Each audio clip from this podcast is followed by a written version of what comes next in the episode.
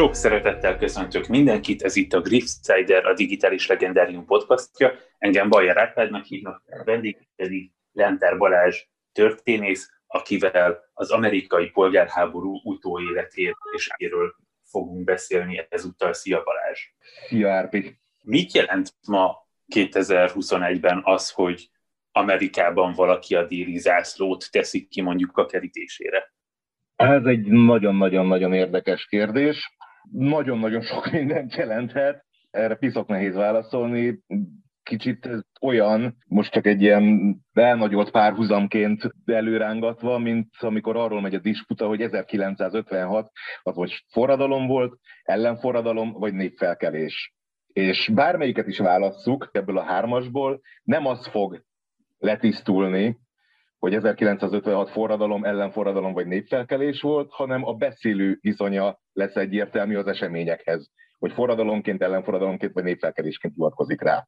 Ugyanez a helyzet a konfederációs zászlóval is. Van neki egy egyértelmű, pontosan több egyértelmű jelentése és jelképe is, tényleg rengeteg funkciója lehet a puszta hagyományőrzéstől az alpári rasszista úszításig, tehát egy, nyilván egyrésztről ott van az, hogy ezen zászló szimbolizálja a rabszolgaságot, az afroamerikaiak elnyomását, emellett szimbolizálja a konfederáció nemzeti függetlenségi történetét is. Benne lehet az, hogy családi felmenők között van olyan ember, aki harcolt a polgárháborúban a konfederációért. Ezért nagyon-nagyon izgalmas ez a történet, nagyon nehéz elkülöníteni a konfederációnak a katonai hagyományait, amit egyébként a, konfederáció, az a konfederációsnak tartott zászló is takar, hiszen ez nem a konfederáció hivatalos zászlaja, hanem egy csatalobogó, az Észak-Virginiai hadsereg csatalobogója,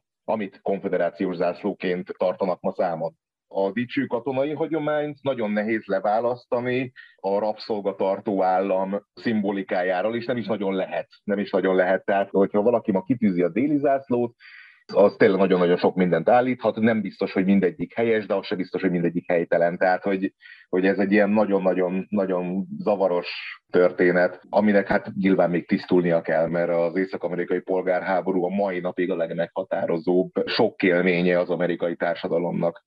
Említetted, hogy ez az zászló, amit ma konföderációs zászlóként ismerünk, mm-hmm hát az x a közepén, ha lehet ilyen laikusan fogalmazni, ez az észak-virginiai hadseregnek volt az ászlója. Hogyan Igen. nőtt ez mégis nagyra, miért erre emlékezünk, és miért nem a konfederáció hivatalos lobogójára? Hát ennek két nagyon-nagyon fontos komponense van. Egy a polgárháború idejéről eredeztethető, a másik meg közvetlenül a polgárháború vége után szökkent szárba. Az első az viszonylag könnyen érthető, Ugye beszélgettünk arról, hogy itt volt nyugati hadszintere a polgárháborúnak, volt keleti hadszintere a polgárháborúnak, az Észak-Virginiai hadsereg lítábornokkal a keleti hadszintéren harcolt, néha eredményesen, néha kudarcokkal tarkítva, de hát, hogy ott azért termelt sikereket is. Ezzel szemben a polgárháború nyugati hadszintere az gyakorlatilag egy egybefüggő kudarc sorozat 1861-től 65-ig, egyedüli kivétel a korábban is említett csikamogai csata volt. Tehát, hogyha nekiállnánk listázni, akkor hogy írjuk össze a nyugati hadszintéren aratott déli győzelmeket, vagy konfederációs győzelmeket, akkor felírjuk a csikamoga és végeztünk. A nyugati hadszinteret lehet egy ilyen egybefüggő kudarcsorozatként értelmezni. Ezzel szemben Lee a keleti hadszintéren ugye elég jól végzi a dolgát, olyannyira jól, hogy egy, tulajdonképpen egy önálló nemzeti intézményé nem esedik ő már a polgárháború idején. Kicsikét olyasmi lesz funkciója a konfederációban, mint ami George Washingtoné volt a függetlenségi háború idején amikor ugye a jó amerikai polgárok összesúgtak, hogy te figyelj, hol van a kontinentális kongresszus? Hát, így tudom én, Filadelfiába, nem tudom, vagy bárhol máshol de nem is az a fontos, hanem hogy mi van George Washingtonnal. Harcol még? Igen. Kín van a kontinentális hadsereget? Igen. Na, akkor nem lehet baj.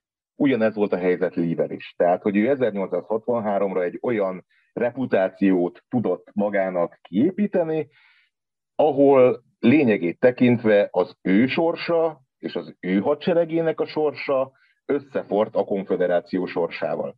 Nem véletlen, hogy a polgárháború akkor ér véget technikailag, amikor Lee Appomattoxnál leteszi a fegyvert.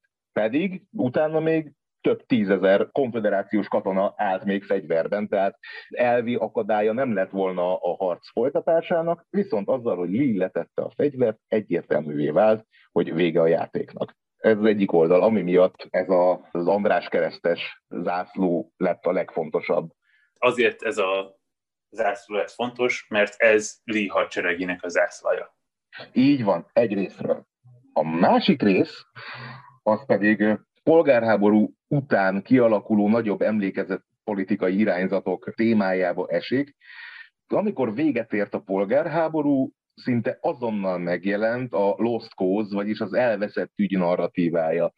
Ezt a konfederáció korábbi ismertebb politikusai, katonatisztjei terjesztették, az egyik fő ideológusa egyébként egy Jubal Early nevű tábornok volt, aki Lee hadseregében harcolt, ő volt a másik ember, akit Lee becenévvel illetett, a morgolódó öreg ember, így hívta Lee, mert Early nagyon szeretett káromkodni, egyébként nem volt rossz katona, ideológusnak már problémásabb volt. Ő vezette elő ezt a Lost Cause nevű történetet, aminek tulajdonképpen az a lényege, hogy a háborúnak semmi köze nem volt az ég a világon a rabszolgasághoz, egyszerűen a konfederáció hősies nemzetépítési kísérletét nyomta el a csúnya gonosz Egyesült Államok, és ezen agresszió ellen ragadtak fegyvert a hős konfederációsok, és harcoltak, amíg bírtak, de törvényszerűen alul kellett maradniuk az északi kolosszussal szemben.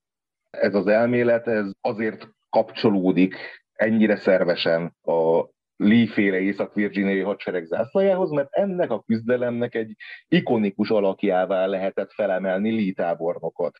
Ő viszonylag semleges álláspontot képviselt a rabszolgaság kérdésben, valóban hősiesen harcolt az Egyesült Államok ellen, a csatatéren nem nagyon létezett a rabszolgaság kérdése, és tulajdonképpen a, a konfederációs katonai erényeket lehetett általa és az ászlaja által kihangsúlyozni, a rabszolgaság kérdését meg szépen bele lehetett söpörni a szűnyeg alá. Posztháborús déli területeken ez egy nagyon-nagyon-nagyon népszerű narratíva, a mai napig egyébként virágzik, sőt, a nagy emlékezett politikai irányzatok közül ez az egyik, amelyiknek itt a az öreg kontinensen is van látható szimpátiatábora, de közben a valósággal viszonylag kevés közösséget ápol. Erre elég jó példa az, hogy itt voltak ennek a Lost Cause-nak a fontosabb apologétái. Megtaláljuk köztük például Alexander Stevens, aki a konfederáció alelnöke volt a polgárháború idején, ő például kifejezetten tagadja a háború utáni írásaiban azt, hogy a rabszolgaságnak bármilyen köze lett volna a konfederáció kikiáltásához, de közben meg ismerjük Alexander Stevensnek egy 1861 tavaszáról, a georgiai szavannából származó beszédét, amit cornerstone speech, vagyis sarokkő beszédként is szokás ismerni. Ebben Alexander Stevens 1861 márciusában még úgy beszél, hogy konfederáció ez az új forradalmi állam azon a nagy erkölcsi alapigasságon nyugszik, hogy a fekete nem lehet egyenrangú a fehérrel, és tulajdonképpen a rabszolgaság intézménye mellett száll síkra itt Stevens. Ugyanezt meg lehet találni Jefferson Davisnél is, ugyanez a pálfordulás megtörténik Jefferson Davisnél is, aki ugye a konfederáció elnöke volt, és a polgárháború alatt nagyon sok esetben egyértelműen kijelentette, hogy ennek a konfliktusnak az alapját természetesen a rabszolgaság képezi, majd a polgárháború után megjelenő Cause narratívába belesimulva már egyértelműen tagadta. Tehát az elveszett ügy narratívának a hőse az a tábornok, aki vetette a fegyverét, tehát aki többé-kevésbé a, a döntés volt arról, hogy ezt a harcot ezt nem folytatjuk. Itt nem tudnám eszembe jutni egy hasonló történet Magyarországról, amikor Görgely leteszi a fegyvert, a mi elveszett ügy narratívánknak lényegében az antihősévé válik. Lee, ez szerint az elveszett ügy narratíva szerint mi volt a bukásnak az oka, vagy ki volt a bukásnak az oka, ha van ilyen személy? Ebben személy nincsen. Itt egy a Lost Cause narratíva, az tulajdonképpen egy Dávid és Góliát küzdelemről szól, csak ebben az esetben a papírforma érvényesül, és Góliát lenyomja Dávidot.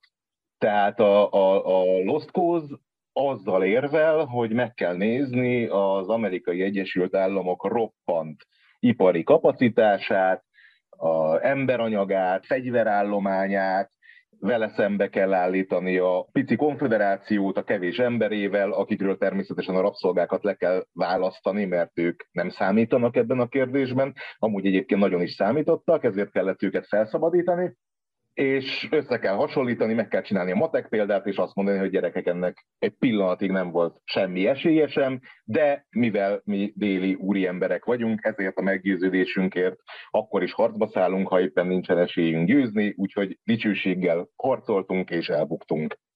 Tehát ez tulajdonképpen a Cause narratíva, miszerint az északi kolosszus az átgázolt rajtunk, hiába küzdöttünk hősiesen becsületből ez egy forma, hogy lehet emlékezni a polgárháborúra, hogyan lehet még úgy sejtem, hogy északon, vagy hát a volt északi államokban a polgárháború végétől kezdve egy egészen más narratíva alapján gondolkodtak ezekről az eseményekről.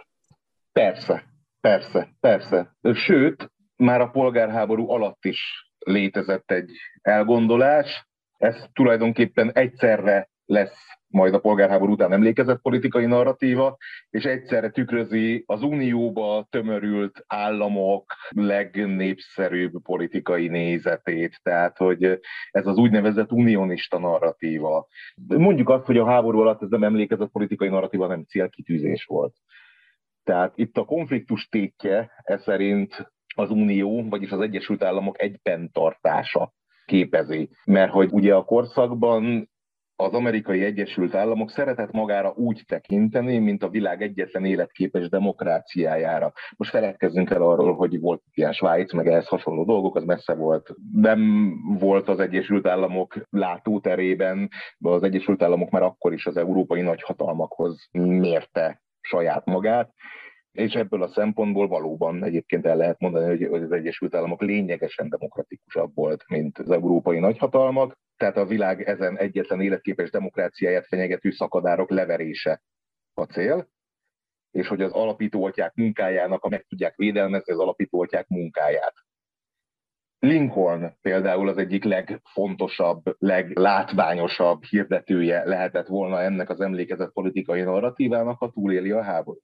Tehát itt tulajdonképpen az a lényeg, hogy a polgárháború megvívása során mindent alárendelnek az unió egyben tartásának. Tehát amikor mondjuk Lincoln olyanokat ír 1862 nyarán, hogy ha megmenthetném az uniót azáltal, hogy nem szabadítok fel egyetlen rabszolgát sem, megtenném.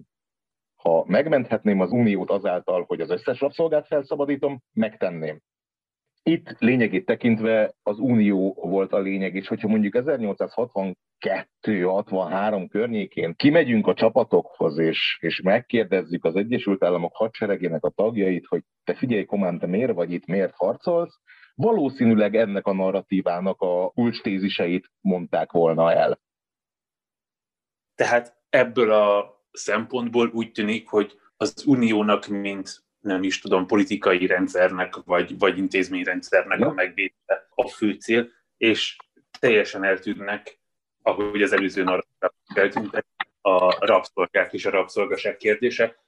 Másrésztről viszont ma leginkább úgy szoktunk emlékezni rá, vagy én ezt a narratívát érzékelem a, a legdominánsabbnak, hogy itt ez a rabszolgaság felszabadításáról szólt ez a háború, és egy ilyen emancipációs törekvésnek egy fontos lépése, ami talán a 60-as években, 1960-as években érik be. Ez mennyire volt a korban meghatározó, mennyire tekintettek ehhez hasonló módon a rabszolgaságra, illetve az ő felszabadításukra?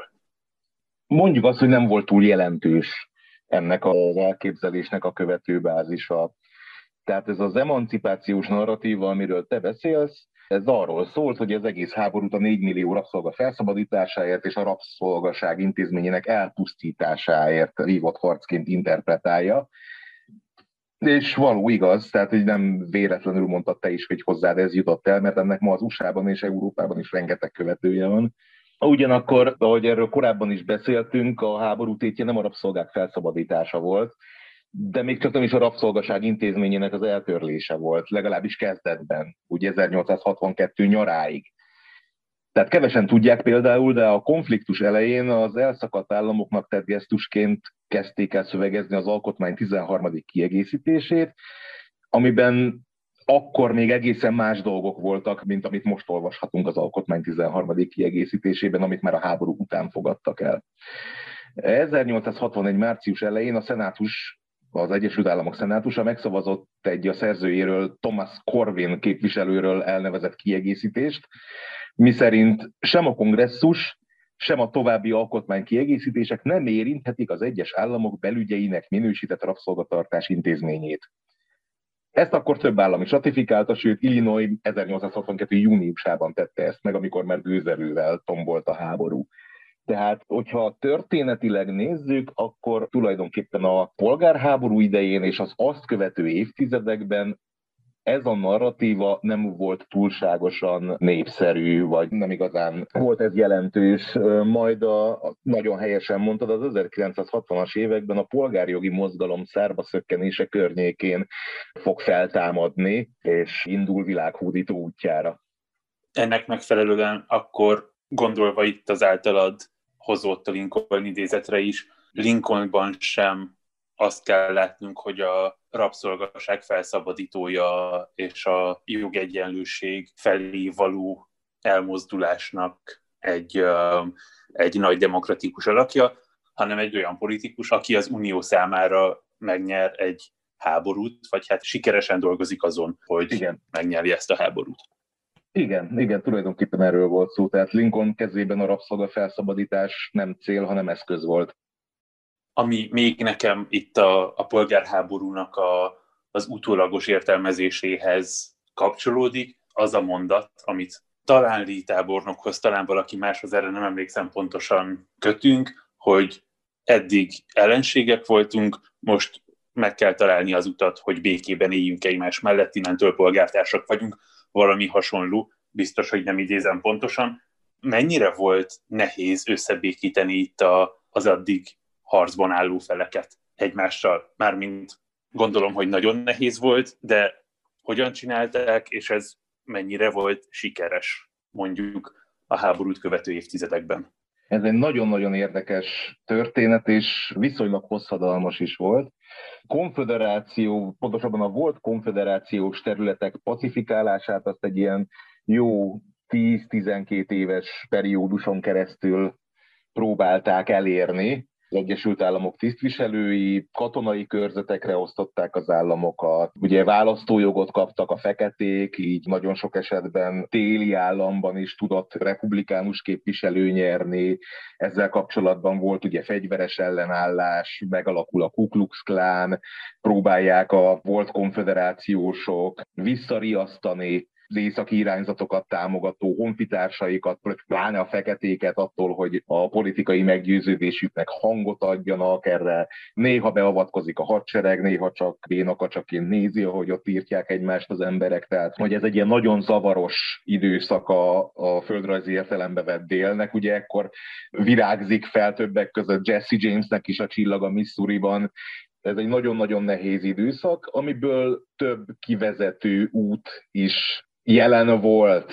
Egyrésztről a polgárháború megnyerését követően az Egyesült Államok számára tulajdonképpen megnyílik az akadály nélküli út a nyugat betagolására. Ekkor indul az az igazi vadnyugati időszak, amit a western filmekben látni szoktunk, ez így nagyjából egy pont a polgárháború végétől, ilyen 1865-66-tól indul, és tart nagyjából az 1890-es évekig ekkor indul meg a nyugat, hát ha úgy tetszik, kolonizálása, betagolása az Egyesült Államokba, ahhoz pedig emberekre van szükség, akik ezt elvégzik.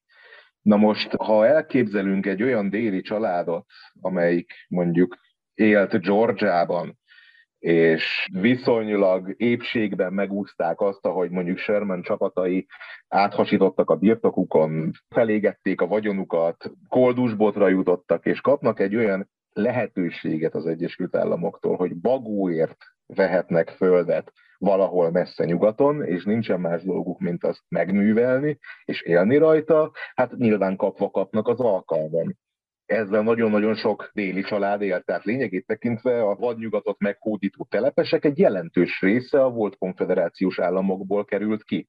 Pontosan azért, hogy javítani tudjon az életkörülményein. Ez jó volt az Egyesült Államoknak is, mert a morgolódó, levert lázadók tömbjét meg tudta osztani, hiszen hogyha a morgolódó lázadók egy része elmegy nyugatra földet művelni, akkor addig sem ül mondjuk Missouri-ban és csinálja a balét. Tehát ez volt az egyik kivezető út, a másik kivezető út pedig a politikai paktumok. Tehát, hogy az viszonylag gyorsan kiderült, hogy ez a rekonstrukciósnak nevezett éra hosszú távon fenntarthatatlan, hiszen tulajdonképpen nincsen szükség másra, mint egy politikai válságra Washingtonban ahhoz, hogy a volt konfederáció tagjait is magában tudó demokrata párt meg tudja szerezni a hatalmat délen. Éppen ezért egy idő után Washington, pontosabban Hayes elnök kiegyezett a konfederáció volt tisztviselőivel, és ennek következtében az 1870-es évek végétől kezdve tulajdonképpen megjelenhettek olyan figurák a politikai életben, a déli politikai életben, akik mondjuk például a konfederáció hadseregének voltak tábornokai. Nagyon sokan lettek kormányzók közülük, meg különféle egyéb állami állásokat töltöttek be. Tehát lényegét tekintve egyrésztről volt egy ilyen kompromisszumos megoldás, másrésztről pedig ott volt a kivezető út a nyugat meghódítására. És nyilván a kompromisszumos megoldásnak a legfőbb elszenvedői azok a feketék voltak, mert itt megint az történt, hogy az Egyesült Államok ekkor levette a kezét a déli fekete populációról, és ezt követően jöhettek a Jim Crow törvények például. Ezt a jelenséget szimbolizálja a negyedik emlékezett politikai irányzatunk egyébként, ez az úgynevezett megbékélési narratíva, ami éppenséggel pont évtizedekkel a háború után jelent meg, tehát nagyjából abban az időszakban, amikor ez a kompromisszum is megszületik az 1870-es évek végén. Itt ebben az északi és a déli fehérek nyújtanak egymásnak békejobbat, elismerik mindkét oldal vitézségét, hűsiességét, az amerikai katonai erények megtestesülését látják az ellenoldal kiválóságaiban, közösen elismerik őket, és együtt ünneplik azt az országot, ami a konfliktusokból végül kiemelkedett és nyilván ennek az óriási egyetértésnek az egyetlen feltétele, hogy mindent, ami nem fér bele ebbe a keretbe, azt a szűnyeg alá söpörnek. Ilyen volt a déli rabszolgák helyzete, vagy, ha úgy tetszik, az afroamerikaiak szerepe a polgárháborúban. Tehát itt a polgárháború után van egy visszarendeződés is. Igen. Lényegében, mint hogyha háborúztunk volna egyet, és aztán kis túlzással mi se történt volna. Mi az, ami hosszú távon megmarad a polgárháborúból, mi az, ami egy hosszú távú különbség a polgárháború előtti és utáni világ között. Van egy nagyon közismert angol hadtörténész, John Kagan, ő mondta azt, nagyon-nagyon jó sikerült mondata, bár a polgárháborúról írott, könyv, írott könyve annyira nem jó, de ez a mondata zseniális, miszerint az észak-amerikai polgárháború előtt az Egyesült Államok egy ország volt, utána egy nemzet. A polgárháborúnak például egy hosszantartó hatása az, hogy még beszélhetünk Amerikai Egyesült Államokról. Ez mindenféleképpen egy hosszantartó hatás. Másrésztről pedig az, hogy megszűnt ez a párhuzamos társadalom képzet, ami annyira szétfeszítette 1860-ban a kereteket, hogy polgárháború lett belőle. Vagy pontosabban hosszú időre megszűnt, most újra kialakulni látszik, de ebbe talán inkább nem menjünk bele, mert az már nagyon aktuál politizálás lenne. És hát elmondhatjuk azt John Kagan-nel egyetért, hogy valóban az Amerikai Egyesült Államoknak, mint nemzetállamnak a megalakulása az 1865-höz, vagy pontosabban az 1865 és, és az 1890-es évek közötti időszakot tekinthetjük valószínűleg nem jó következtetést vonok rá akkor, hogyha azt mondom, hogy egy országból nemzetet akarsz csinálni, akkor legyen egy polgárháború, hanem ha jól értem, amit mondasz, akkor ez a folyamat, ez igazából a, a polgárháborúnak a, a hatása, ahol kibillent az inga az egyik irányba, egy háborús irányba, ami után erősé vált az a cél, vagy az a, az, az igény, hogy itt észak és dél közösen egy nemzetként tekintsen magára, és egy egységként, és a korábban kisebb egységekre bontott, vagy, vagy korábban erős állami identitások, azok valahogy össze tudtak érni könnyebben? Jól érzékelem, vagy jól értem, amit mondasz? Egyrésztről igen, másrésztről egyébként én azt se vetném el, amit eredetileg mondtál, hogy a nemzetépítésnek valamilyen szinten kelléke a polgárháborús állapot. Tehát, hogyha megnézzük a, az európai nagy nemzetépítési kísérleteket, az esetek túlnyomó többségében azért az egyik járt egy polgárháborús helyzettel. Tehát mindig vannak olyan érdekkörök, akik mást szeretnének, mint amit mondjuk a nemzetegyesítési narratíva támogatói szeretnének. Beszéljünk akár a francia forradalom időszakáról, ami a különféle külső hatalmakkal vívott háború sorozatok mellett azért egy nagyon komoly polgárháborús szituációt is eredményezett, akár nézzük Vendét mondjuk, hogy más nem mondjak. Vagy akár beszélhetünk 1848-ról is, ami előfeltétele volt az 1867-es kiegyezésnek. A 48-as szabadságharc idején nem minden magyar ember támogatta a kosutékat, sőt, nagyon sokan ellenük harcoltak. Mégis ez a két dolog 1867-ben a nemzetnek ezen két része egymásra tudott találni. Én nem vetném el alapvetően azt, hogy nemzetépítés az nem jár polgárháborús helyzettel. Ezt a szelencét, amit most nyitottunk, ezt most nem nyitnám ki jobban. Tehát, hogy nagyon érdekes, és nagyon azt gondolom, hogy aktuális, amit mondasz, hogyha egy lépés hátrébb teszünk, és nem azt mondjuk, hogy polgárháború, ahol egy nemzetnek a tagjai küzdenek egymással, hanem azt mondjuk, hogy egy átalakulási folyamat, ami sokszor erőszakos polgárháború jellegű eseményekkel jár, akkor akár csak a, és lehet, hogy most nem, nem jó helyen kapizsgálok, de az arab tavasz, vagy ha arra gondolok, hogy né, néhány évvel ezelőtt Ukrajnában is egy irányváltáshoz kapcsolódott a Majdan tér, és aztán a háborús helyzet, ami sajnos azóta is tart, akkor így van, ez, ezek valószínűleg kéz a kézben járnak. Amit el szeretnék tenni az amerikai polgárháború kapcsán kérdésként, az az, hogy azt látom, hogy valahogy az amerikai polgárháború csatatereinek is van egy nagy kultusza. Ezt jól látom innen? Talán nagyobb jelentősége van az amerikai kultúrában ezeknek a helyszíneknek, mint nálunk egy Mohácsi, vagy Muhi, vagy Pákozdi, vagy bármelyik más csatamezőnek. Igen, nagyon jól látod.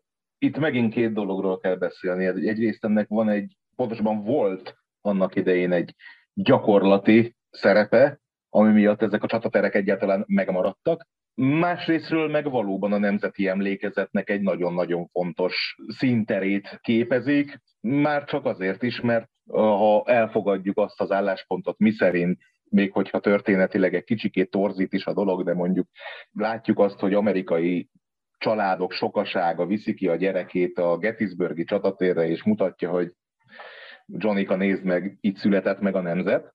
Ez szerintem egy baromira fontos dolog. Másrésztről pedig, hogyha a gyakorlati részét nézzük a történetnek, ezeket a csatatereket azért hagyták meg közvetlenül a polgárháború után, hogy a katonatiszt képzésnek, meg a katonaképzésnek szinterei legyenek. Tehát maradjon egy olyan terület, ahol időről időre be lehet járni, meg lehet nézni, hogy így néz ki egy csatatér, itt ez volt, ott amaz volt, így harcoltak, stb. Tehát ez egy olyan gyakorlati példa, ami korábban nem volt az Egyesült Államokban. Mert oké, okay, volt függetlenségi háború, stb., de az egyrészt régen volt, másrészt meg nem vívtak akkora méretű csatákat a függetlenségi háborúban, mint a polgárháborúban. Tehát, hogy most megnézzük azt, hogy az amerikai függetlenségi háború csatatéren elesett halálos áldozatai, azok nagyjából ilyen tízezer ember tettek ki összesen az egész háború alatt. Na most tízezer halottnál, tízezer halott az, az a polgárháború esetében meg nagyon-nagyon kicsi számnak tűnik, tehát hogy veszteséglistára jóval több ember került egy rendesebb csatában, mint ahány halottat látunk az amerikai függetlenségi háború áldozatai között. Tehát itt, hogyha emlékeim nem csalnak, és igen, a legújabb kutatások szerint már olyan 750 kötőjel 800 ezerre teszik az észak-amerikai polgárháború halálos áldozatainak a számát, bár tény, hogy ezeknek nem mindegyike csatatéri áldozat, hanem betegségek, balesetek, stb. és egyéb problémák miatt hunytak el. Ja, és igen, ezt még gyorsan hozzáteszem, mert ez lehet, hogy fontos, hogy ezért is foglal el olyan nagyon előkelő helyet az amerikaiak nemzeti emlékezetében a polgárháború, mert ebben a konfliktusban több amerikai halt meg, mint az Egyesült Államok összes azt követő fegyveres konfliktusában együttvéve, beleértve a világháborúkat is. Egy nagyon véres polgárháborút zártak tehát az amerikaiak, aminek a nyomán nemzetté tudtak válni, és valahogy közösen megerősödtek. Most nekem ez a, az üzenet gondolat, amit elviszek. Van-e még valami, amit fontosnak gondolsz a polgárháborúnak a további élésével, emlékezetével kapcsolatban? talán az, hogy a maga a nemzetépítés kérdése azért a kulturális határvonalakat nem törölte el. Tehát az, hogy létezik-e például még a, az észak és déli határvonal, az bizonyos szinteken kimutatható. Tehát, hogy például az Egyesült Államok déli részét, vagy Southern United States a mai napig területi egységként kezelik az amerikai Egyesült Államok hivatalos szervei. Eltérő a kultúrájuk, mármint az északiaknak és a délieknek más a gasztronómiájuk, tehát tök más egy Cajun vagy egy kriol konyha, mint mondjuk egy New Yorki vagy megnézzük azt, hogy a, az együtt élő fehér és fekete lakosság jelensége is inkább a déli államokra jellemző, és olyan kulturális hozzáadott értékkel bírt, mint mondjuk a, a country, a rock and roll, a blues. Mert ugye a blues és a country házasságából születik meg a rock and roll. Tehát ilyen kulturális különbségeket azért észrevehetünk a mai napig. Kedves hallgató, köszönjük, hogy eljutottál ideig ebben az adásban és az előző kettőben is Lenter Balázsral beszélgettem az amerikai polgárháborúról, és ebben az adásban főleg az emlékezetéről. A digitális legendáriumot megtalálod YouTube-on, illetve Facebookon, illetve hogyha valamilyen podcast megosztón hallgatod ezt a beszélgetést, akkor arra kérlek, hogy értékelj minket, hogy minél több emberhez eljusson a hírünk. Balázs, neked megköszönöm szépen a beszélgetést. Én köszönöm.